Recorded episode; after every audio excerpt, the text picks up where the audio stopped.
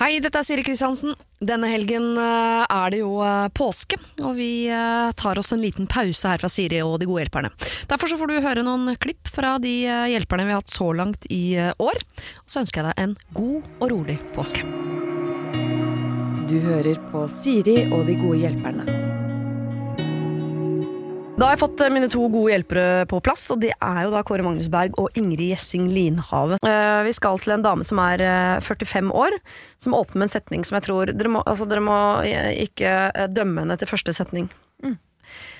Hei. Jeg er en dame på 45 år som har levd et utrolig standard liv.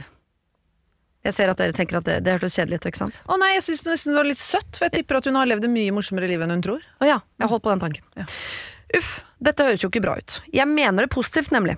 Jeg har ikke hatt noen store utfordringer i livet. Det meste har gått på skinner. Jobb, mann, venner, barn, hus, hund, flytte, Oi. hytte og i det hele tatt. Ikke at jeg har fått det på sølvfat, men det har gått greit hele veien. Nå er barna etter hvert så store, og vi gamlingene, som de sier, eh, vi kjeder oss. Forhåpentligvis er vi jo bare halvveis i livet, og jeg kveles av tanken på en stillstand herfra ut. Det er nesten så jeg heller vil at det skal gå dårlig, bare for å få opp pulsen. Jeg vil jo ikke risikere det jeg har, jeg vil ikke miste mannen min, jeg vil ikke miste tryggheten, men fins det noen kanter jeg kan bevege meg på som er spennende, men ikke farlig? Få deg bikkje. Men Hun har jo hund og hytte, og det er det mest standard man kan gjøre.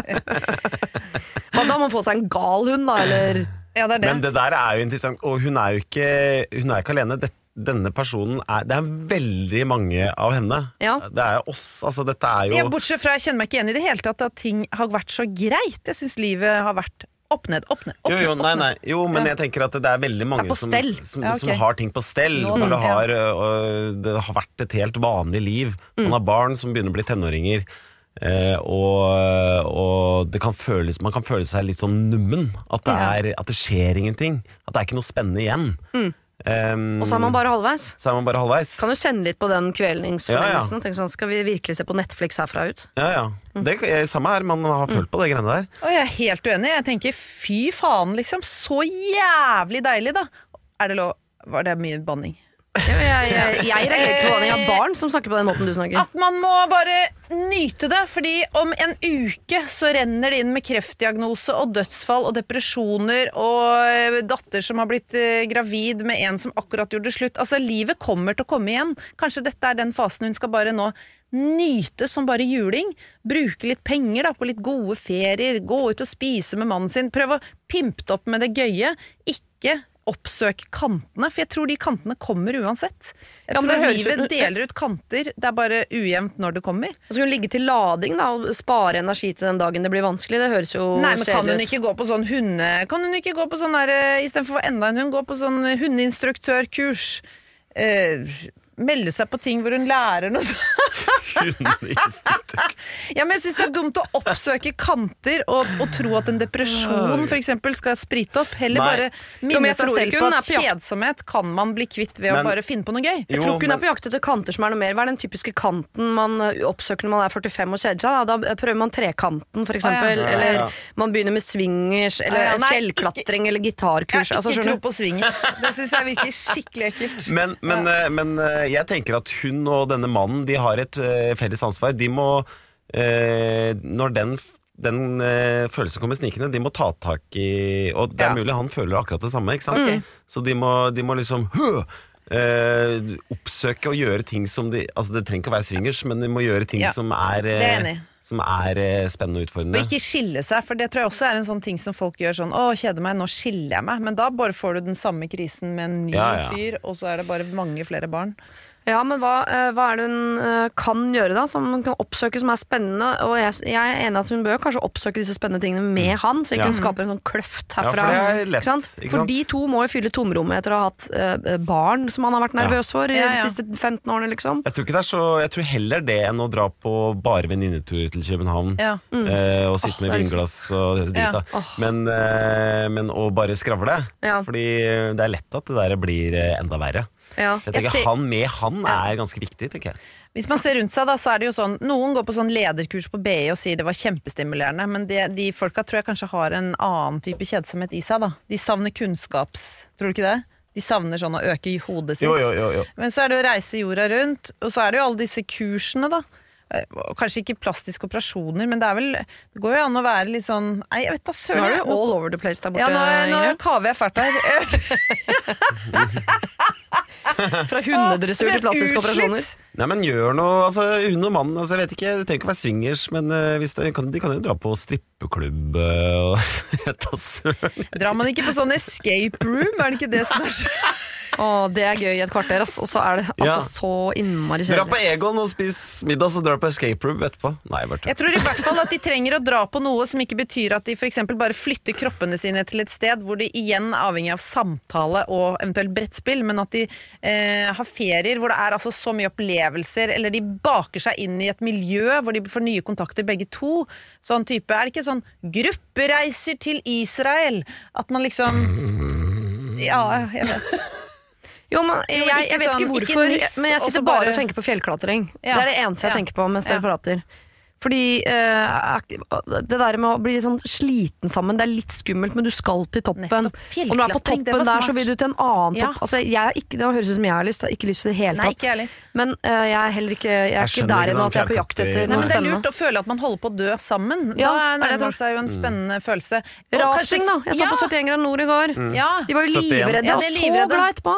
Ja. Men ikke i Norge, tror jeg. Dra til Italia Ja. med en sånn kjempegjeng. Sånn at når du kommer hjem, så bare «Åh!» Og så begynner du å planlegge nye turer med Laviato. Altså at det er litt sånn Jo, men det Ja, men ikke sjoa! Nei, Jeg skal ikke undervurdere Sjoa. ass. sjoa. Ja. Nei, men de må i hvert fall Og det kan jo hende den der jobben Én ting er å dra på sånne turer, men det er nok en sånn i hverdagen-jobb. Ja. Eh, for det hjelper ikke å dra liksom en, eh, en, du, ja, en tur i året et eller annet sted. Altså, de må liksom finne en eller annen sånn noe deilig i hverdagen som er Ja. lettvint. Ikke pusse opp heller, for da skiller man seg, tror jeg. Ja. Jo, men hvis du vet at du skal eh, opp uh, via Ferrata liksom i Ja, mai, så er det klart er- at da må jo mor begynne å trekke bildekk nedover uh, Ja, ja, gata på tirsdager for å få opp lårmuskulatur. Altså, det er et Det prosjekt. er gøy. Ja, ja. Det er gøy. Mens han må google og finne hvordan de skal bo. Og så han, Ja. En dag har han kjøpt seg sånn uh, lakenpose silkant til begge to. Ja. Det blir Ja. godt å ha på turen. Ja. Ja, ja. Så sove i hengekøye, sånn Ja, ja, ja. dobbelthengekøye. Liksom bare, jeg tror man skal oppsøke alle klisjeene, da, for de Ja. er der av en grunn. Ja. Da blir det rådet ut. Oppsøk alle klisjeene. Finn et felles prosjekt. Ja. Dere skal en opp eller fram eller ut eller vekk. Ja. Ikke nødvendigvis svinge, men at dere skal gjøre et eller annet sammen. Ja. Som trenger litt sånn planlegging og liksom er litt sånn langt fram i tid, som Mm. er felles. Det tror vi absolutt kan være den kanten du skal bevege deg Og så på. litt sånn vin sammen i hverdagen. Vin sammen i hverdagen, ja. Mm. ja. Bjørn Eidsvåg og Sigvart Dagsland. Her står det. Kjære Siri og de gode hjelperne. Jeg er en datter på snart 28 år, med en mamma i starten av 50-åra. Foreldrene mine har vært skilt i mange år, og de, øh, de to småbrødrene mine og jeg har vært gjennom et par stefedre og noen stemødre siden den gang. For det meste har det vært helt uproblematisk for oss, og foreldrene våre er gode venner og har alltid samarbeidet godt. Og mamma er en supersosial dame, full av pepp og glede. Hun er omsorgsfull og steller i stand for de rundt seg. Mamma er på sitt aller beste når hun har huset fullt av ungdommer, og familie kan farte rundt med kaffe, vin og klemmer og gode ord. For nesten ti år siden fikk mamma en ny kjæreste på sin egen alder. Vi kaller han bare for Løken. Løken allerede her skjønner vi at dette er en fyr de ikke er så glad i, eh, og det kommer mer om det. Løken er som et uforskammet barn som min mamma har tatt vare på. Dette er en mann som solgte huset sitt uten å si fra til mamma, for så nærmest å si 'da må jeg bare bo hos deg, da, eller skal jeg bo på gata'. Han er arbeidsledig, eller han fikk ikke forlenget kontrakt på eh, jobben sin, og unnlot å si dette til mamma, og har derfor ikke noe inntekt og lever på min mor. Løken ligger på sofaen når det kommer gjester, reiser seg ikke for å si hei. Han raper uten å si unnskyld, han slikker tallerkenen og fingrene etter et måltid. Han går fra bordet når han er ferdig og setter seg i godstolen med avisa, mens vi andre hygger oss rundt bordet. Også når vi er på middag hos andre. Han går heller på rom og spiller sjakk online enn å delta i fellesskapet på stua. Han stiller aldri spørsmål til noen andre enn mamma, og jeg har til gode å bli kjent med han etter ti år, tross flere forsøk fra min side. Det er en underdrivelse å si at han ikke er på bølgelengde med resten av familien, men mamma har valgt han, og som datter må jeg, eh, eh, så føler jeg meg mer distansert fra min mor, fordi jeg ikke klarer å se det hun ser.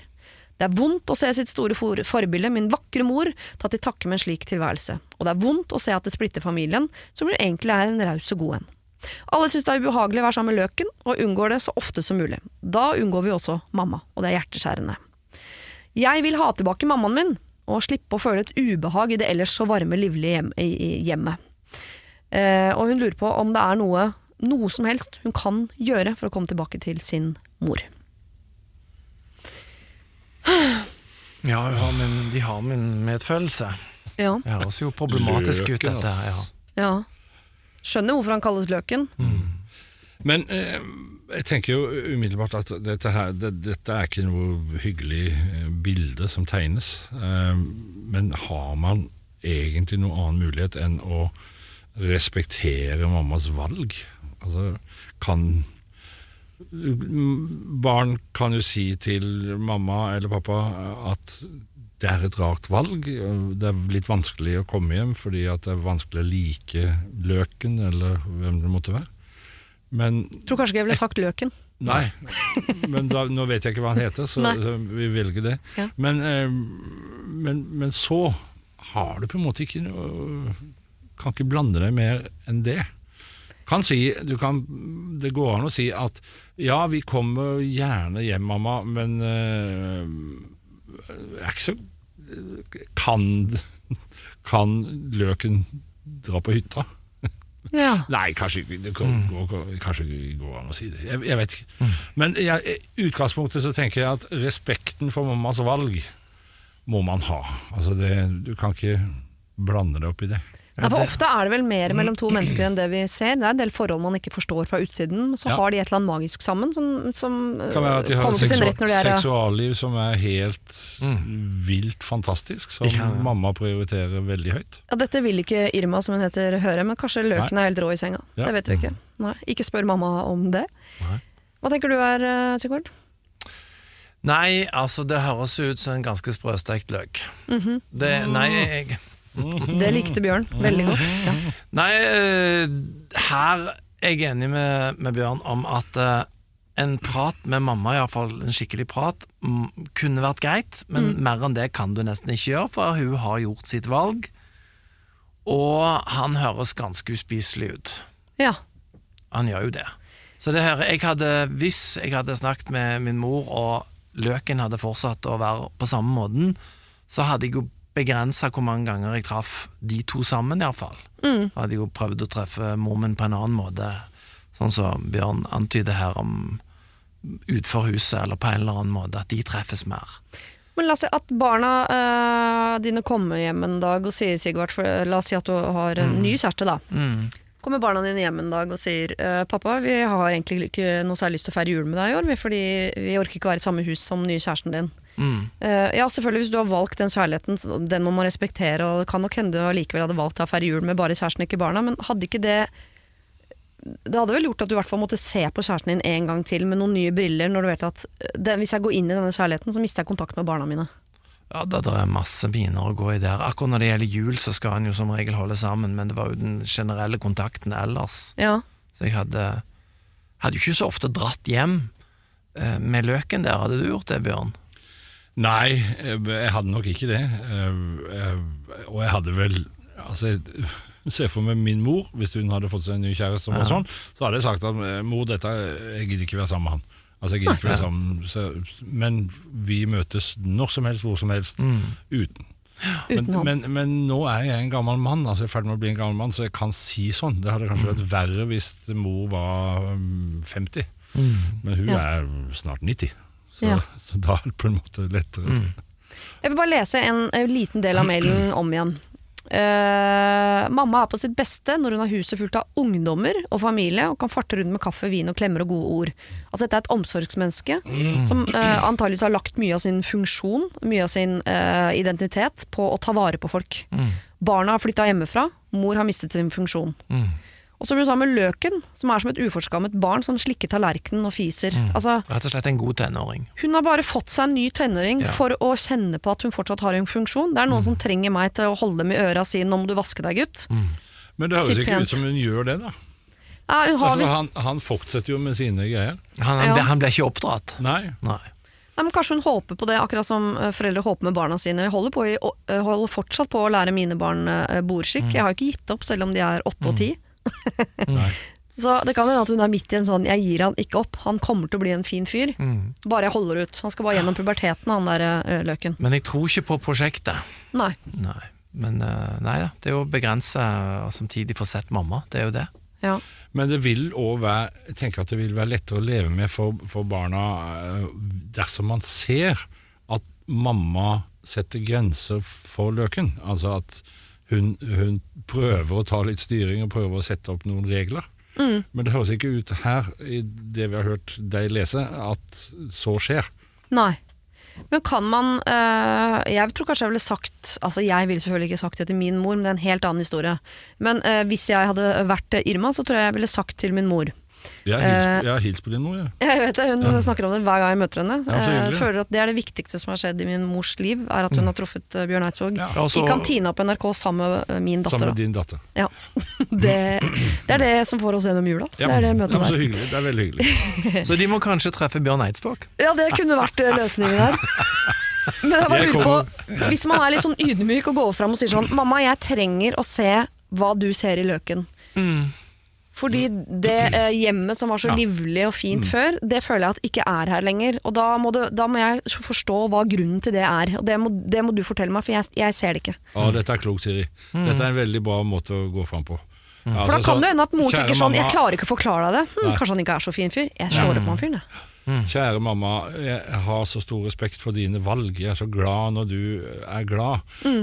Jeg, du må forklare meg hvordan, hvordan Hva er det me mellom deg og løken? Hvilke flotte kvaliteter er det han har som du har falt for? Dette er en super måte Det er bra. å kommunisere på. Det er jo two blessings and a wish. Altså først noe godt, Ja. og så Så enten si det, eller sørg for å treffe Bjørn Eidsvåg. Ja. Det er de Ja, to sånn at de kan snakke om han den, i julen når de er sammen, og damen blir kjekt. At løken kanskje blir engasjert. Ja, ikke sant? Og alle kan snakke om Bjørn den dagen vi traff Bjørn. Hvor var du da? Ja. Dette syns jeg er et godt forslag. Ja, absolutt. Absolutt. Anette Walter Numme og Ronny Brede Aase, velkommen. Vi begynner med en som heter Karina, som har skrevet inn. Hei, Siri og de gode hjelperne. Jeg og kjæresten har vært sammen nå i litt over tre år. Vi bor sammen, men han står som eier på huset. Planen er at jeg skal inn på lånet og på papirene, men jeg er ikke interessert i å betale masse i dokumentasjonsavgift for å få navnet mitt på papir. Så eh, når vi uansett etter hvert skal gifte oss, for da er det gratis, nemlig. Jeg vil heller bruke pengene mine på bryllup. Men så orker jeg jo ikke nå å vente noe lenger på det frieriet, så jeg tenker å ta saken i egne hender. Men hvordan frir en jente til en mann, da? Har dere noen gode ideer? Med ring? Bare til han eller til begge? Eller er det noe annet som kunne vært hyggelig? Jeg må nevne at vi er ikke superromantiske noen av oss, eh, så noe ganske avslappa hadde vært helt passe. Håper dere kan hjelpe en gifteklar frøken. Tusen takk. Karina skal fri. Kan jeg bare si at eh, det, det at de er ikke romantiske noen av dem, det merker jeg når det er sånn Å, dokumentet gifter kjedelig. Ja, men hvis du gifter deg gratis, da det er ikke du så romantisk. Men hurra for Karina da, som har lyst til å gjøre det sjøl. Det er jo litt gøy. Men du har jo fridd for ikke så altfor Ja, lenge siden til din kjære Tuva Fellmann. Hvordan gjorde du det? Nei, altså, nei, jeg, jeg, det var jo det som var Problemet der var jo at jeg skulle prøve å gjøre det på en Man drømmer jo om at det skal være litt sånn gjennomtenkt, eh, og kanskje ikke så klisjé, men samtidig litt sånn romantisk og fint, og det er jo en umulig oppgave. Eh, og så er det utrolig umulig å planlegge et frieri når den andre parten ikke veit at det skal fries, og at det skal være en overraskelse. Så når jeg da sier sånn Du kan vi For jeg, jeg prøvde å tenke sånn Fordi vi var hjemme på sommerferie i Førde, og så eh, er det en sånn, sånn fjelltopp der som har fått en sånn gondol. Så du kan liksom ta gondolen opp, og så har du 1000 Du er på 1000 meter, ser utover. Helt episk, bra mat, og liksom kunne tusle en tur oppi der. At det er sånn, vi, vi stikker opp der, så tusler en tur i fjellet, og så frir jeg på, liksom, på fjelltur. Det blir fett. Og så sier jeg sånn vi, Kan vi reise opp dit? Og så bare ser hun på meg og så er det sånn Nei, det er, det er helt uaktuelt. Fordi, Å, nei. det, fordi hun, har jo sånn der, hun har sagt at neste gang hun skal dit, da skal hun gå sånn For da kan du, du kan jo klatre opp sånn via ferrata-stemning. Ja, ja. Oi. Eh, og hun er sånn Så, så jeg, jeg reiser jo opp dit uten at det går via ferrata. Jeg bare ja, Men kan ikke vi gjøre det neste år, og så kan vi ta gondolen opp i år? Nei! Jeg skal gå via ferrata, og jeg skal gjøre det neste gang. Jeg skal, jeg nekter å bli med. Altså, det er sånn Ok, så da måtte jeg forholde meg til det, da. At liksom hele veien var At du må liksom prøve å få ting til å virke naturlig og logisk. Og overbevisende. Ja, det er umulig. Men klatra du da opp via Faratan for å fri, eller brakte Nei. du ringen ned til lavlandet? Nei, altså, det, vi endte på Vi, det, vi skulle videre på reise, så tenkte vi vi tar det på veien, og vi skal nordover i fylket, liksom. Og så tenkte jeg vi gjør det der, gjør det der, og så har vi god tid. Men så skulle, sa plutselig den morgenen jeg skulle fri, så sier jeg plutselig til Tuva til mor mi Kan du lære meg å hekle?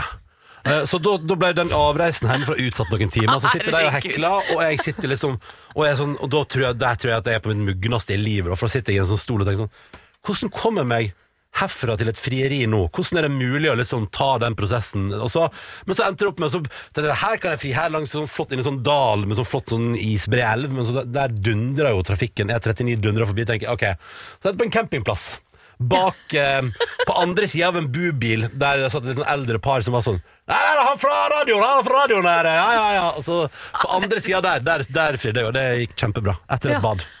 Å, fy søren. Men det ble, det ble jo på en måte Du følte deg motarbeida hele veien, men Ja. ingen visste at det var det de drev med. Men både mora di og ø, din fremtidige kone og natturen for øvrig var jo i motarbeidingsfase. Altså, alle var i motarbeidingsfase. Altså Hvis jeg skal være helt ærlig, og nå snakker jeg til Karina her Ja. Fordi at de morsomste fri- frieriene, og nesten alle jeg har hørt om nå i det siste, har vært skikkelig mislykka.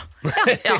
Ja. nei. som din litt, Ronny. Ikke sant? Eller Ja. uromantisk, da. Eller den ble, eller, I det der med at den ikke ble under noen omstendighet sånn som jeg hadde planlagt den skulle bli, så ble den likevel det, fordi eh, det ble litt som low-key, men med de Ja. ingrediensene i livet som på en måte vi syns er fint. Og sånt, og plutselig satt vi der og hadde en god stund på ekte. Ikke sant? Men det er jo en god historie, og jeg tenker at det er viktigere enn at eh, frieriet skal være så stort og flott, og at forventningene er altfor høy, for da går det jo til helvete. Det er jo resultatet som er romantisk her, ikke egentlig spørsmålet. Nei, Trenger ikke sant? være? Og den historien du kan fortelle etterpå om frieriet som gikk til helvete, den er jo veldig mye morsommere enn gondolen.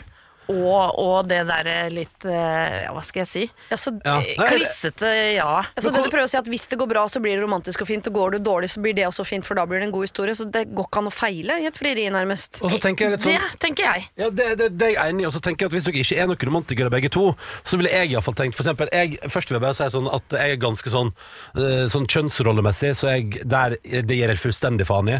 Men akkurat hvis Tuva hadde frarøva meg muligheten til å fri, da hadde jeg blitt skikkelig lei meg for. Ja. Faktisk, Det er liksom den ene tingen sånn Hvis hun hadde tatt den før meg det, Jeg bare sier det noe sånn, du vet det, Karina, at det hadde jeg syntes ikke var så hyggelig. Men det handler jo om deg som menneske, sikkert ikke så Jo, jo. mye om at du er mann. For du har gleda deg til å gjøre det. Men det kan jo hende at Karina er sammen med en fyr som ikke har sett for seg at det skal han gjøre i det Og i hele så fall er det konge, men bare liksom, jeg ville i hvert fall, hvis jeg var det, Karina, på et eller annet vis Det har dere sikkert pratet om, men i hvert fall sånn at du vet at ikke han blir lei seg for det. Det er jo litt fint, for det er jo en drittgreie hvis, han- hvis dere går inn i noe som han blir lei seg for. Godt poeng, sjekk ut det først. Mm. Og så eh, Men åssen gjør du det? Blir du lei deg hvis jeg frir? Da har man jo på mange måter fridd. Nei, nei, men, nei, men det går an å si, da. Hvis jeg hadde fridd eh, til deg, liksom, hadde du Er ikke det skuddår i år? Er ikke det sk- på skuddårsdagen er ikke det da kvinner frir til menn sånn opp gjennom historien? Er det det? Ja. Ja, det er jo det, da. Så Sikkert, ja. 29. Ja. februar, Ja. så eh, da kan du vurdere det. Men jeg, altså Det er den dagen jeg i hvert fall skal fri på. Det må jeg bare si som trassig menneske her borte. Ja. Det kan du bare glemme. Ja, for, for dere er ikke, dere er ikke fri til hverandre? Nei. Nei, nettopp. Men hva drømmer du om? Jo, men eh, Jeg bare eh, hadde lyst til å bringe på bane i og med at ingen av de er eh, spesielt romantiske. Noe av poenget her er å slippe å betale dokumentsavgift. Eh, og Det betyr ikke at kjærligheten er noe mindre, men jeg er helt enig med deg. Alle de greiene der trenger ikke være så romantisk. Jeg er over en fase tenker sånn Må noen fri? Kan man bare være to mennesker som blir enige om at man skal gifte seg? Det gjorde vi. Ja, Oi, er ikke det like det? fint da? Kan ikke de bare bli enige om det? Ja, og det Sånn bare det. skjedde eh, i fart eh, i Stockholm for eh, ja, 14-15 år siden. Så satt Thomas og jeg, min mann nåværende, eh, og så på hverandre, og så sa vi det her var skikkelig hyggelig. Ja, syns du ikke det? Jo, det syns jeg. Skal vi ha det sånn resten av livet? Ja, det, skal vi det? Ja, skal vi ikke det? Frir du til meg nå? Ja, frir jeg ikke til deg nå? da? Ja. Og så Og så var det bare det. Og så bare å kjøpe forlovelsesring dagen etter og bestille en ekstra flaske champagne. Ja, kanskje man kan Ah. gjøre det Altså Man tar den praten mer som en prat, og så går man og kjøper ringer sammen, så gjør man det litt romantisk. Ja, At det blir som en det? felles sånn, mer som et sånn felles prosjekt. Kanskje det? Ja, for jeg tror det, fordi det, det er jo det som jeg føler at du og Thomas og dette er helt sånn eksperter på, er jo det med å, å bare gjøre ting til en sånn altså, Dere er veldig gode på litt nytt i livet. Dere er nifslyttere av rang, da. Eh, Og jeg tror at hvis, dere, hvis du, Karina, og din kjæreste ikke er så romantisk noen av dere, så tenker jeg jeg ville heller gå den veien. Og heller, eh, hva med at for å gjøre det spesielt, hvis man ikke er så romantisk, da kan man gjøre det spesielt med for eksempel overøsing av digge ting. Altså få på noe champagne, spise noe digg mat, altså liksom i- heller lage en sånn setting rundt det. At du sier sånn. Jeg inviterer deg i kveld på verdens beste middag. Og, og så vet du at underveis der, fordi det er verdens beste middag, fordi dere skal ha liksom litt eksepsjonelt bra biff, eller bare verdens nydeligste kamskjell, eller whatever, eller gå på den beste restauranten dere liksom ikke unner dere å spise på ellers, og så vet du underveis at Og i løpet av kvelden så kommer det til å si Skal ikke vi bare gifte oss? Ja, Jeg tenker, jeg tenker det, Hvis man ikke er så romantisk, så er det, er det, da er det gøyere å gjøre noe litt sånn luksus ut av Da det. er på en måte. lista lagt i hvert fall passe høyt. Ja. Karina, jeg har ikke tenkt på det som et sånn stort overdådig frieri. Bare tenk på at dette er en samtale vi skal ta for å bli enige om noe som skal bli romantisk i fremtiden. Yes. rett og slett. Ja. Jon Arne Riise og Silje Sandmæl. Og vi skal snakke om unger, for jeg har fått inn et problem eh, som heter Brusungen. Og her står det. Vi har et vennepar som jeg er mye sammen med. De har to barn under skolealder. Foreldrene er nydelige mennesker som vi setter stor pris på, bortsett fra på ett område. De tørker aldri snørra til ungene sine, eller vasker øra deres, eller tørker hendene deres etter et måltid. Det er snørr og buser bestandig, og jeg visste ikke at det gikk an å få så mye ørevoks at det tyter ut av øra. For ikke snakke om eh, diskusjonene de setter i gang angående bleieskift, mens vi andre må bare holde ut drittlukt, mens de blir eh, enige om hvem sin tur det er. Altså Disse busene, ørevoksene og matrester som barna bærer rundt på, eh, vil jo ikke jeg ha i min sofa. Mine barn legger også merke til dette og syns det er ekkelt. Jeg pleier å minne mine egne barn på at husk å tørke av hendene, eller eh, få se på hendene dine etter at vi har spist felles måltider med dette venneparet. Men de la ungen bare gå med tacosaus i strie strømmer rundt munnen og på hendene. Det, eh, eh, det skjønner liksom ikke at det er normal folkeskikk å ikke grise rundt i andres hus. Jeg har tidligere sagt at oi, nå må vi tørke hendene litt, til deres barn. Og det føler jeg går greit. Men buser og ørevoks mm. Så hvordan sier man fra til andre voksne at hei, ungene dine er noen små griser, ta så vask dem, uten at man tråkker dem på tærne. Hilsen tante Sofie. Ja, jeg kan bare begynne med å si at man sier det ikke på den måten, i hvert fall, men la oss si at det kan komme fram til andre løsninger. Oppdra andres barn er vel egentlig overskriften der. Hvordan gjør man det? Du, ikke i- si det som den siste setninga. Nei. Barn er noen griser. Men eh, helt innafor å si fra. Til barna eller til foreldrene? Foreldre. Jeg spørs hvor gamle er. Under skolealder. Ja. Bleiealder, liksom. Si ifra fra til barna. Nei, foreldre. Uten tvil. Ja. Men man kan jo begynne å Man kan jo kanskje tulle litt med det først, bare for å gjøre dem obs på det, og så se om det funker. ja. Uh, men jeg ville helt klart sagt fra, for det, det er som du sier, det er jo litt ekkelt hvis du tar det med hjem til andre. Og det er så tydelig at det plutselig vokser ut av øret og overalt. Det visste jeg faktisk ikke at det gikk an. Men uh, vi har jo uh, vært innom det før i dag, at det er vanskelig å snakke med venner om økonomi. Men jeg vil påstå at det er enda vanskeligere å snakke med venner om hvordan man syns de burde oppdra ungene sine. Det hadde Men har det jeg oppdragelse å? Ah, Har det virkelig med oppdragelse å gjøre, og bare si at du skal vaske ungen din? ja, eller påpeke andres hygiene. Er ikke det Ja, er veldig ømtålig? Den er veldig, veldig vanskelig. Ja. Og jeg tror nok, eh, for det første, altså det Når de er hjemme hos Hvis de har vært hjemme hos meg, så er det helt, helt sånn som hun gjør, da. Altså, hendene er møkkete. Det er en selvfølge. Ikke gris eh, Altså, sofaen den skal være ren når dere drar herfra. Så det er helt greit å si at du, nå må du gå og tørke deg rundt munnen og vaske deg på hendene. Det trenger du ikke å si til foreldrene. Det kan du godt si til barnet. Ja. Eller si til foreldrene at det, det skjer. Dere er hjemme hos oss. Her Ja. er det våre regler. Men ørevoks og buser den arenaen, eh, så lenge ikke det, det tyter så mye ut at det blir liggende For det ramler jo ikke ut i svære klaser ned i sofaen, liksom. Vi er Nei, ikke der. nei vil, da vil jeg, da, det ville jeg ikke påpekt. Men det er klart at eh, det spørs jo helt hvor gode venner man er. For hadde dette vært eh, nære venner, så kan det jo være greit å kanskje påpeke. Er du sikker? Er det, gjør det ikke nesten problemet bare enda verre? Altså, det avhenger litt, da. Men det blir jo litt sånn som Jon Arne, at eh, man kan si du, det er på tide å tørke snørra. Eller så, det er kanskje bare tørka snørra på den ungen. Ja. Ja, altså hvis det er nære venner Jeg har jo skifta bleie og, og på andre an, Altså barna til venninnene mine. Det gjør meg jo ingenting. Nei. Men eh, til og med klipp negler og ja, ja. Jeg tror det letteste er det med hendene og vaske ansiktet. Det Ja. tror jeg, fordi det er så opplagt. Det med nesa og øre og sånt, det er jo Det blir ikke så grisete på den samme måten. Nei. Eh, klart Har du en hvit sofa, så kommer det skitne unge med Det er, noe, altså, det er lettere å si, for det er, det er normalt å gjøre. Eh, Men når du begynner med nesa og ørevoksen, den, den er verre å Ja, for det er ganske sånn intimhygieneaktig som jeg tenker at det har du egentlig ikke noe med. Hvis de tenker at i vår familie så lar vi buser og ørevoks øh, vokse fritt. Ja, jeg sier ikke at det er veldig normalt, men det har jo ikke egentlig de noe med. Nei, men Er du på besøk hos noen andre med dine egne barn, og de er, da viktigste er å vaske hendene og ansiktet. Ja. For det er det som du kliner bort på alt sammen. Det, der, der synes jeg, som Silje sier, gjør det du, da. Ja. Så barna ser, og kanskje foreldre faktisk ser at det må gjøres. ja. Jeg er enig, da er det kø, liksom. Nå sånn, da spiser vi middag, alle vasker hendene. Dere òg, kom igjen! Knut og Klara, bare følg på. Det er lov, da snakker man til barna.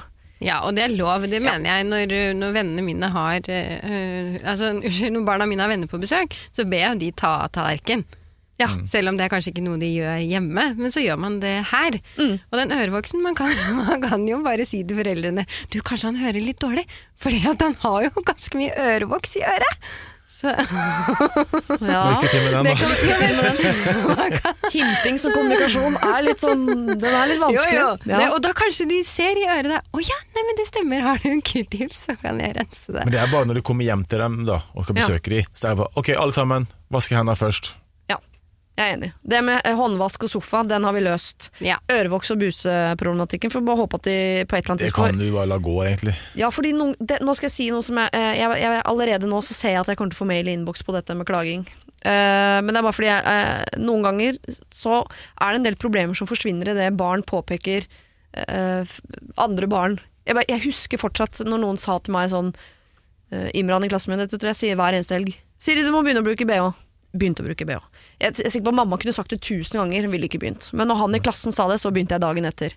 Det er noe med når de ungene her første gang får høre fra et annet barn i første klasse eller et eller annet sånn 'Hvorfor har du så mye ørevoks?' Problemet er borte. Ja, det er jeg enig i. Ja, det er ikke noe Jeg, oppfordrer ikke til å Jeg ser hvilket minefelt jeg er på vei ut på her. Jeg bare vet at dette problemet kommer antageligvis til å bli borte av seg sjøl på et eller annet tidspunkt. Ja, det tror jeg òg. Har du problemer selv, send dem inn til siri at radionorge.no. Adam Sjølberg og Jorunn Stiansen, dere er da mine gode hjelpere denne, uh, i denne podkasten. Uh, vi skal over på uh, Tinder-problematikk. Oi, det er Eller gøy. større, Oi, det, det er ikke det er lenge siden, Jorunn. Jørund. Det fantes ikke når du var Nei, singel. det var ikke da. Det var ikke da. Og det fantes ikke da jeg var singel heller, og det er jeg så glad for. Ja, jeg. I- Kjære Siri og de gode hjelperne. I november matcha jeg med en skikkelig bra mann på Tinder. Kall han Ole. Og vi startet å tekste mye. I hvert fall til meg å være.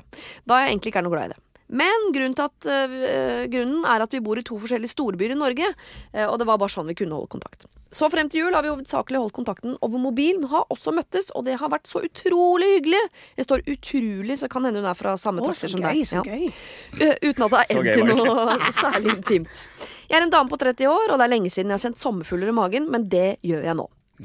Men november-desember har også vært preget av noe mindre hyggelig i mitt liv. Lang historie kort. Fikk jeg da påvist celleforandringer, og noe som først var antatt å være lettere forandring, har vist seg å være grove. Jeg må derfor rett før eh, jul så måtte jeg inn til eh, konisering, altså der deler av livmorhalstappen blir svidd av. Mm. Jeg vil bare si fra et kvinneperspektiv ganske uvanlig. Altså sånn. Mhm. Jeg sier ikke at ikke det kan være farlig, men det, det gjøres hele tiden.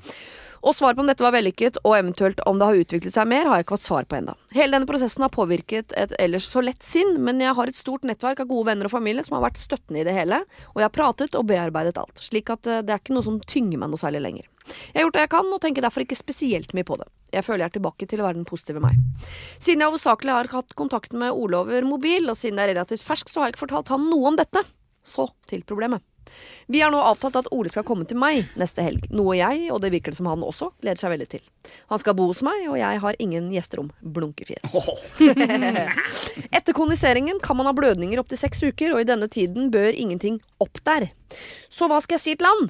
Jeg er en voksen dame og føler meg ikke presset, tror heller ikke han på noen måte ville presset, ho ho ho, sa jeg på, men jeg kjenner jo lysten selv, og det ville nok ellers vært naturlig med litt kos i sengehalmen.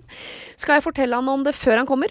Skal jeg finne på en annen unnskyldning? Jeg er relativt åpen og kunne nok godt fortalt han hele historien, men det kan bli såpass, eh, eller mye, såpass tidlig i vår relasjon. Hva ville dere gjort? Hilsen Sofie. Å, dette er spennende. Ja, jeg vet hva jeg hadde gjort. Du først, Adam. Min er så kjedelig. det tror jeg ikke noe på. Jau. Hmm. Nei hmm. Helse er jo viktigst Ja. her, eh, så, så hun må ta det på alvor. Eh, de beskjedene hun har fått fra legen. Vi er voksne mennesker, er det ikke det vi er? Her? Jo, ja, i hvert Virker fall jeg. sånn. Ja. Nei, ja, men Sofie også. Og de, ja. Jeg snakker alt om meg sjøl. Sorry. Eh, ja. Slitsomt. Veldig slitsomt. Eh, sånn at en ærlighet er nok ikke så dumt dersom dette skulle bli noe mer alvorlig, da. Um, så hadde jo jeg ønsket at jeg fikk beskjed om det da, liksom. Mm. At ikke du følte du måtte holde det hemmelig den gangen. Men jeg, ja, mm, men allikevel så jeg, var, altså, Mm. jeg, var- jeg, jeg, jeg vet ikke om dette er kynisk eller om det bare er veldig praktisk, eller hva, men man må Mhm. tenke på det fra sånn uh, De er forelska i hverandre. De vil Ja. ha hverandre, uh, men hun vil ha han. Ja. Og hvordan sikrer hun seg best nå denne helgen? Mm. Uh, ved å ikke ha sex med han og si sånn hm, og være sånn, Jeg vil ikke, jeg vil ikke, vil ikke, Ja, men nei, liksom. nei, ja, og så tenker han sånn Å, herregud, vi er voksne mennesker, vi har holdt på, hva skjer, liksom? Eller eh, å være helt ærlig og potensielt skremme han litt med sånn 'Å, herregud, kan hun potensielt bli dø dødssjuk? Orker jeg gå inn i et forhold, og- så er det starten?' Altså, hva, det er jo det mest risikoen? faire, da. Det er jo Ja. det mest faire å gjøre. Men hvis vi skal hjelpe henne å være nærmest mulig en eh, sikkerhet i at det blir Tenk de så fint hvis, hvis han sier selvfølgelig forstår jeg det, vi skal jo se hvor dette går. Ja, det er det jeg mener. Altså, hun, hun beskriver jo her noen kjempefine følelser. Det kribler i magen. Dette her virker så bra og levedyktig. Mm. Og igjen, vi er voksne mennesker. Det fins jo masse gøy du kan gjøre enn at uh, feieren skal stage pipa. Ja. Det gjør det jo. Ja. Det må vi jo bare si. Så jeg tenker, få ned. Å, så koselig det er. Og de kliner, ikke sant. Og de har den relasjonen de har. Og så hadde jeg sagt, du vet du nå, nå vil jeg ikke skrømme deg, men jeg vil rett og slett være så ærlig jeg kan med deg, for jeg har tru på oss. Så Mm. dette tykker jeg du burde vite. Og så måten hun skriver det på der, så er det jo ikke en misforstå meg rett, dødsdom. Hun sier jo det har gått greit, jeg har Mm. masse venner som støtter meg. At hun kan legge det fram sånn, Ja. og si det at jeg ville bare du skulle vite dette om det, om meg. Ja. Sånn er jeg nå. Hvis ikke, og, og så kan hun høre han si, så vil jo praten lede det fram til at det blir ikke noe det Vi blir kan tenne i peisen, men ikke feie. ja, vi kan tenne i peisen, masse kobbe, men ikke feie. Så tror jeg han hadde satt så pris på den ærligheten. Hva annet skal man gjøre da? Hun kan ikke være, ikke være i luremus, ikke være Nei, men- luremus. Nei, det eneste jeg lurer på er om hun øh, ikke at Ole tenker nødvendigvis sånn Å, herregud, jeg er sjuk, det gidder jeg ikke å være med på. Men sånn er vi der at vi føler at vi må ta alvorlige prater allerede? Bare når du sier sånn 'jeg har trua på oss to', hva brukte du? Ja, Og da jeg kan man tenker tenke sånn 'hva da, oss to? Er vi ikke bare vi ikke At han bare kan på få, dateren? ja, Ja, men- at han kan få hetta? Det, og det er helt innaforstått med. På meg så virker det som at eh, de har data såpass lenge, og de har meldt såpass godt med hverandre at, at det Kall det der de er, tåler det. Men hvis hun kjenner at uff, nei, vi er ikke der ennå, det er ikke vi melder middag, og ja, hva gjorde du i kveld, åssen film og serie ser du på? Så forstår jeg det, men da må hun si jeg tenker iallfall ærlig er best. Bare si det rett som det er, Ja. og så må hun ta energien og Altså det han sier. Og jeg også tenker eh, helt enig, men jeg ville kanskje unngått å brukt ord som oss og har trua på. Ja, men vi liksom. vet jo ikke ånden. Nei, jeg vet ikke liksom relasjonen de har, Nei. men samtidig så, tre, så er jo det for hennes del også. Altså, all del. Man trenger jo ikke på en måte late som man er gift når man ikke er det. Sånn at, eh, men Nei, å være, jeg gjør det hver dag. ja, men, men, man, eh, men man, jeg syns også man skal være ærlig, og så skal du ikke på en måte frarøve muligheten for han å være en fin fyr. Mm. Fordi at det kan godt hende han er det, og sier 'oi, ja, men så Det skjønner jeg jo'. Ja. Selvfølgelig, det, det, betyr, det betyr ikke at han er en drittsekk som sier 'å ja, da vil jeg ikke'. Du må ikke ta det for gitt heller. Men syns du han skal Nei. få muligheten til å være en fin fyr eh, altså der og da foran peisen?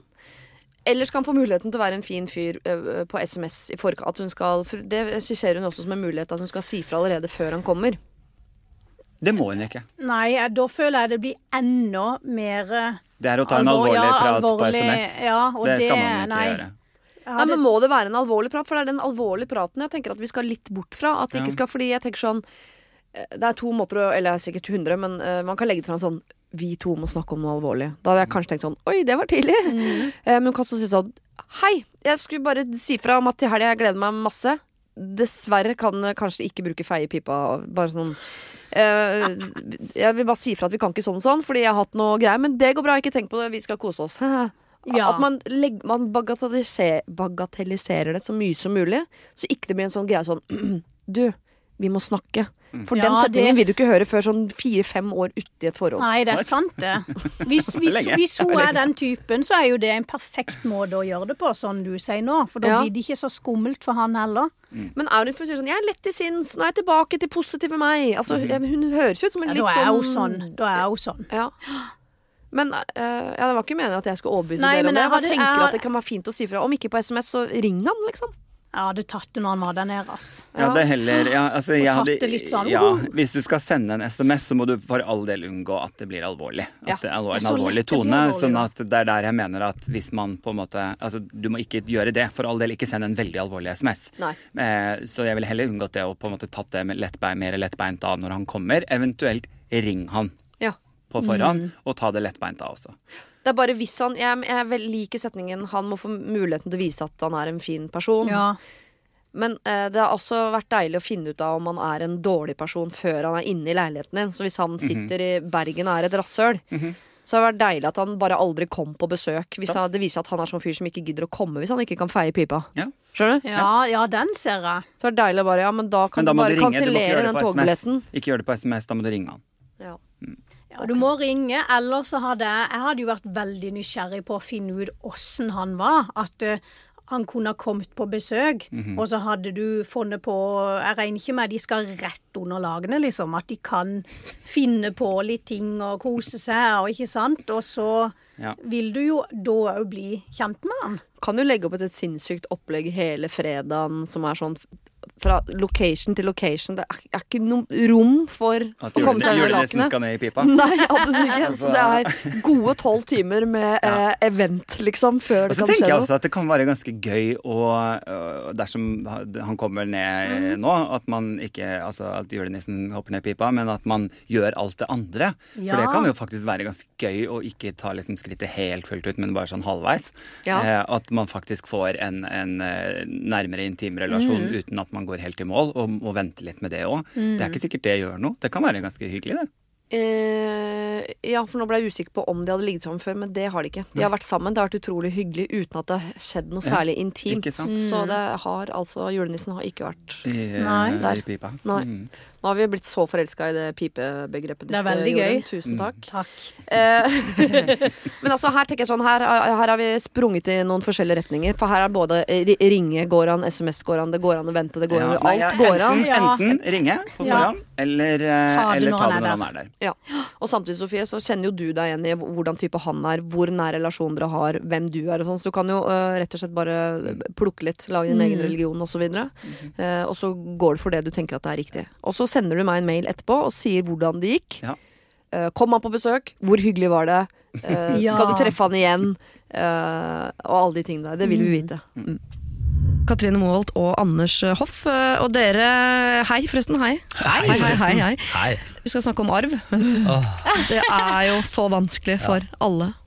Eh, Her blir vi bare bedt om meningen vår i denne mailen, så her trenger vi egentlig ikke å konkludere med noen ting, og det er litt deilig, da. Ja. Her står det. Plutselig i jula begynte min mor å snakke om arv. Hun er snart 80, men hun er sprek, så jeg ble litt satt ut. Det er bare meg og min bror som arver. Han var ikke der. Han feirer bare annethvert år med oss, eh, men det var tydelig at de hadde snakket om dette fra før, og det er typisk han å ta opp ting som handler om penger. Vi har en hytte på fjellet. Skikkelig fint sted. Dessverre har ikke jeg brukt dette så mye. Jeg jobber mye, jeg er inn og ut av forhold, og jeg har ingen barn, så det blir ikke så mange turer på fjellet. Min bror derimot, til tross for at han er yngre enn meg, har både kone og barn og bruker stedet mye. Og jeg vet at han hjelper mamma med ting som er eh, under forfall når han er der.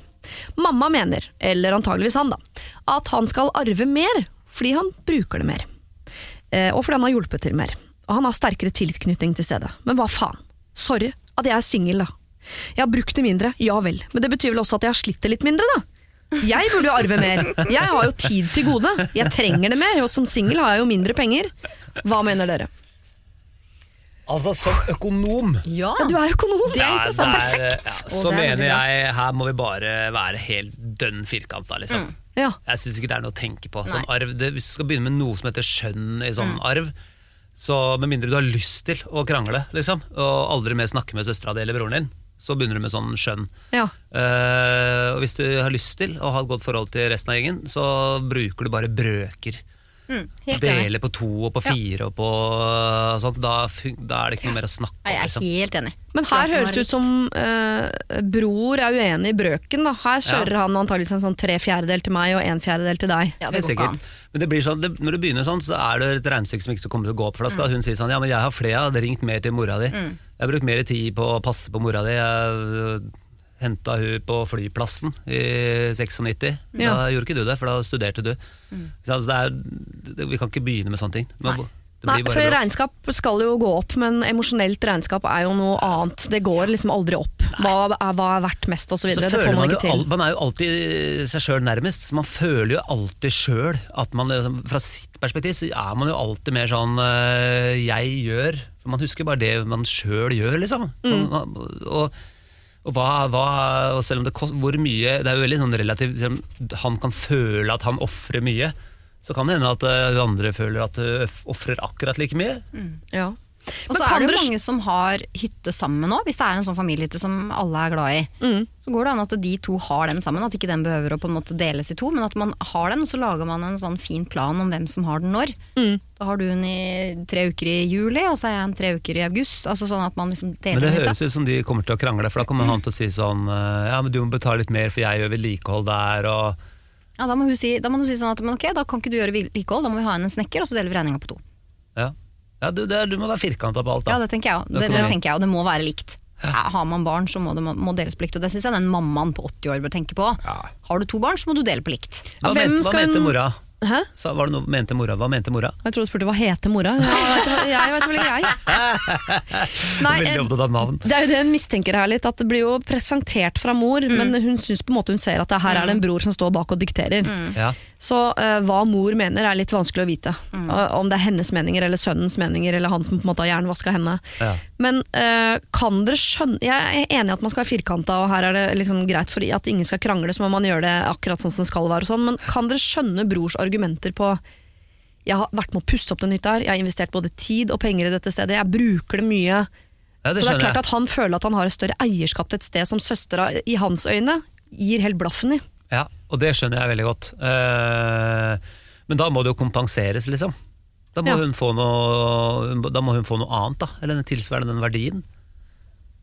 Ja. Du skjønner hva jeg mener? Ja, Altså. Da, da, må, da må du verdsette den hytta, da. Så må si, da må han komme til ja, Hvis han har brukt, da, hvis han har brukt liksom en halv million på å pusse opp den hytta, så får de si sånn Jeg har pussa opp den hytta til en øh, Den hytta, hvor mye har den hytta vært? Den har vært to millioner.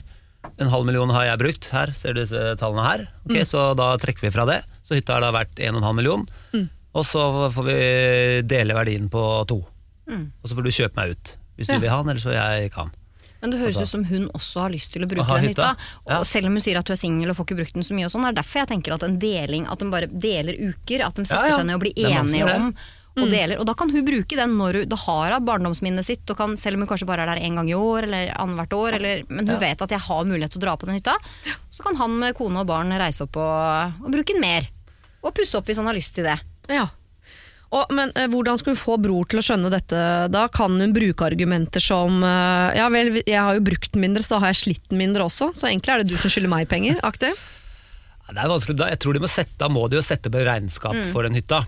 Og si sånn, hvis det er sånn, når, når den dagen kommer at det blir deres hytte, Mm. så må det, som Katrine sier, da må, vi, da må de bestemme seg for Ok, nå er hytta sånn som den er nå. Mm. Altså Først må de jo bli enige om hvilken ambisjon de har for hytta. da Altså hvis det Er bare Er det vedlikehold, eller kanskje han, for kan hende han broren har helt andre ambisjoner? Mm. Han vil ha bygge på Mm. eller gjøre det annerledes, ja. eller noe sånt. Da, Ja. må de jo, da får de diskutere litt fram og tilbake. Da. Hvis ikke så må de jo si liksom Ja, det koster 200 000 å pusse opp den hytta, eller 100 000 da, Mm. og, i året, og vedlikeholde den hytta. Om han broren gjør det, så må jo han få de 100 000. Eller så må de få noen utenfra til å gjøre det. Liksom. Så da må, de må, det er jeg enig i. Mm. Han, han, han, bør få, han bør kompenseres for det. Ja, og så tenker jeg det som han alle, Men jeg tenker også at det som han allerede har gjort, har han jo gjort. Og så lenge ikke han har krevd noe av søstera si eller mora si av det han har gjort, så tenker jeg vi må sette strek nå, og så må man begynne fra nå av. Så hver gang han gjør noe på hytta, hvis han absolutt da vil ha en kompensasjon for det, så må han gjøre som du sier, ta, ta kvitteringer og si at han har jobba så og så mange timer og Ja, jeg tenker at sånn eh, Materiell, det kan mor betale her, liksom. Ja, Eh, men arbeidsinnsatsen, tenker jeg sånn Det er jo på en måte det du gir tilbake for at du får lov til å bruke det. Så når søstera har brukt det mindre, så har hun også investert mindre av tiden sin. Men neste gang, hvis hun skal opp der en gang, så kan det godt hende at hun blir satt til å sånn Du må henge opp nye håndkleknagger. Et eller annet. Et eller annet som hun må gjøre. Eh, og så må de bare dele det 50-50, også regningene. Selv om hun er der mindre, så må hun jo ta halvparten av utgiften. Og så må de dele året på to, og hvis han vil ha litt av hennes tid, så må han spørre passer det. Har du faktisk tenkt å bruke det i påsken, eller kan jeg dra i år også? Men dette her kan hun vel prate med sin mor om. Jeg ville gått til mor Ja. og sagt Mor, hvis du vil at jeg og bror skal ha et godt forhold også etter din død, så foreslå at du gjør dette helt ryddig. Mm. Fordi hvis det blir opp til oss to, så blir det eh, slagsmål. Ja, og, Og det tenker jeg er sånn- ikke verdt. Det tenker jeg også Nei, det som det mor òg. Ja. Mor og du har to barn, da ønsker du jo bare at de skal være venner. Ja. Ja, hvis jeg var, da tenker jeg Hvis jeg var gamlemor, så ville jeg liksom bare sagt vi må dele likt. For det, da kan hun legge seg i den graven uh, med godt humør. Ja. Og så, I verste fall så kan du ta med seg Det er jo veldig ryddig, mange gjør det. Å gå bare til en sånn vanlig sånn øh, advokat, en sånn arvedude. Som, Ja. som bare setter opp øh, og gjør det fair, liksom. Sånt, øh, for det er jo det er så trist med familier og søsken og sånn som begynner å gå fra hverandre og bli uvenner. og for, hvor 400 000, liksom. Og ikke bare det, men Hvor koselig får han broren det på den hytta hvis han veit at jeg er uvenner med søstera mi? Og han går utpå der på morgenen og strekker seg og ser ut på den fine utsikten. Hvor koselig er egentlig det når han veit at det har kosta forholdet til søstera si? Jeg, jeg tenker at det er det ikke verdt. Nei, det er det faktisk ikke verdt. Snakk med moren din, få moren din til å gjøre dette her så ryddig som overhodet mulig, så bevarer dere både hytta og det gode forholdet deres søsken imellom. De gode hjelperne jeg har med meg i eh, dag, er jo da Tore Petterson og Didrik Solli Tangen. Her står det. De ti siste åra har min mann jobbet mye. Han har klatret på karrierestigen og opplevd mye gøy. Spennende utfordringer, kollegaer, reiser osv. I samme periode har vi fått tre barn, og jeg har vært mye hjemme med dem. Og jeg har elsket det, altså, men nå begynner de å bli ganske store, og jeg er klar for større utfordringer på jobb igjen selv. Min mann og jeg eh, traff hverandre via jobb, så vi er i samme bransje. Og da jeg ble gravid, ble vi enige om at han kunne satse på jobben nå, men at en dag skulle det bli min tur. Jeg hadde store ambisjoner om hva jeg ville oppleve, se og gjøre. Og nå har jeg fått en vanvittig mulighet. Altså, denne jobben får man nesten aldri. Den er perfekt for meg. Den innebærer at vi må flytte til et annet land i tre år. Men mannen min nekter. Jeg vet at ungene hadde elsket det, og han kan helt fint finne noe å gjøre der, og jeg tipper til og med at han hadde fått permisjon fra jobben sin i dag. Men eh, han ville stått stille på stigen i disse tre årene, og ja, kanskje til og med måtte tatt et trinn ned. Men skylder ikke han meg det egentlig? Kan jeg tvinge en mann med meg til utlandet bare fordi han skylder meg det? Hva om man mistrives? Da går det utover alle. Det står ikke et eh, spørsmål her egentlig utover eh, Kan hun kreve at mannen ofrer dette for å bli med henne? Jeg syns det er dårlig hvis ikke han gubben blir med, for å Ja, være helt ærlig. Hvis, eh, de, hvis, de har blitt, eller hvis de har hatt den praten her før, og, og dette her er noe altså, altså, Jeg tenker sånn du, han, de snakker om karrierestig og sånn, så er det litt sånn Hva, hva er viktigst, på en måte? Tenker jeg da. Hva er, hva, er, hva er det viktigste? Altså nå, nå har han fått levd ut sin drøm, og han har gjort sine ting. Da, da må faktisk det er, det er veldig viktig at det er likestilling eller like, altså likevekt i et forhold. Ja. Hvis den ene bare må gå på kompromiss av den andre, Mm. så vil det komme til et punkt hvor ting ikke fungerer. Altså, da, vil det, altså, da, vil jo, da vil det bli misnøye, ikke sant? Ja, det er det jo på en måte litt Ja, allerede. det er jo det. Er jo det. Og den eneste måten å rette opp det på, er jo faktisk at det er han som må ofre seg litt. Og, øh, men han har nok kanskje blitt litt bortskjemt. Da. Hvis han har fått lov til å holde på nå i ti år, så har vel han blitt bortskjemt med at det er han som får klatre, og han som får oppleve, og han som får holde på. At det kan komme litt nesten i bardus på han sånn Å ja, så var det deg, ja. Det hadde jeg glemt. Men er det ikke liksom greit å få en forandring altså, Jeg tenker sånn der, Få en forandring og gjøre noe altså, jeg, ja, er, Folk er forskjellige, da, men jeg hadde jo altså, hvis, hvis jeg hadde fått den muligheten da. Nå, Mm. nå er jo jeg i en spesiell situasjon i forhold til at det hadde ikke vært så lett for meg å bare flytte til et annet land og ja, er det noen som liker meg her, da? Altså, det blir litt sånn vanskelig å starte på nytt, sånn sett, da, sånn karrieremessig for meg. Men, men hadde jeg drevet med liksom eh, Jeg kaller det et eller annet annet, da. Altså eiendomsmegling eller et eller annet sånt. Som, du, som folk kjøper og selger ting og Overalt. leiligheter overalt. Ja. Så tenker jeg sånn, da ville jo det vært en spennende mulighet og en ny utfordring å by på, istedenfor å hele tida være opptatt av at du skal liksom klatre oppover en eller annen stige her hjemme i Norge. da. Ja. I hvert fall syns jeg det. Jeg er helt enig, jeg tror nok øh, de fleste er enige om det. Det som sikkert er vanskelig her, er skal hun ta det valget på vegne av han, og så flytter de da til øh, Korea eller Tokyo eller øh, hvor det måtte være, øh, London, og så mistrives han. Da Men- er det jo, selv om det er likevekt og balanse i forholdet, så er det allikevel en misnøye der som jo vil sette sitt preg på familien. da. Men har han tenkt det når han har reist på sine turer og gjort sine jobbting, at hvordan er dette for henne i hennes situasjon? Hva om hun sitter hjemme og føler seg ensom? Hva om hun ikke har venninner som kommer innom og som er innom at hun får lov til å ha snakke med andre mennesker enn de som er barn? Hun har også behov for voksenprat. Dette er jo en, en veldig sånn øh, Jeg syns jo at øh, denne respekten skal gå begge veier. Og vi har litt sånn skrudd forhold til det at det er liksom mannens eh, jobb som skal settes først, og fordi hun føder skal ikke hun få lov å klatre og gjøre sine ting. Selvfølgelig skylder han henne det. Og jeg må jo si, jeg startet mitt eh, forhold med min kjære i parforhold, nei, parterapi. Det anbefaler jeg alle å gjøre. Jeg har aldri vært så nær og så fin og så herlig med å være i parterapi.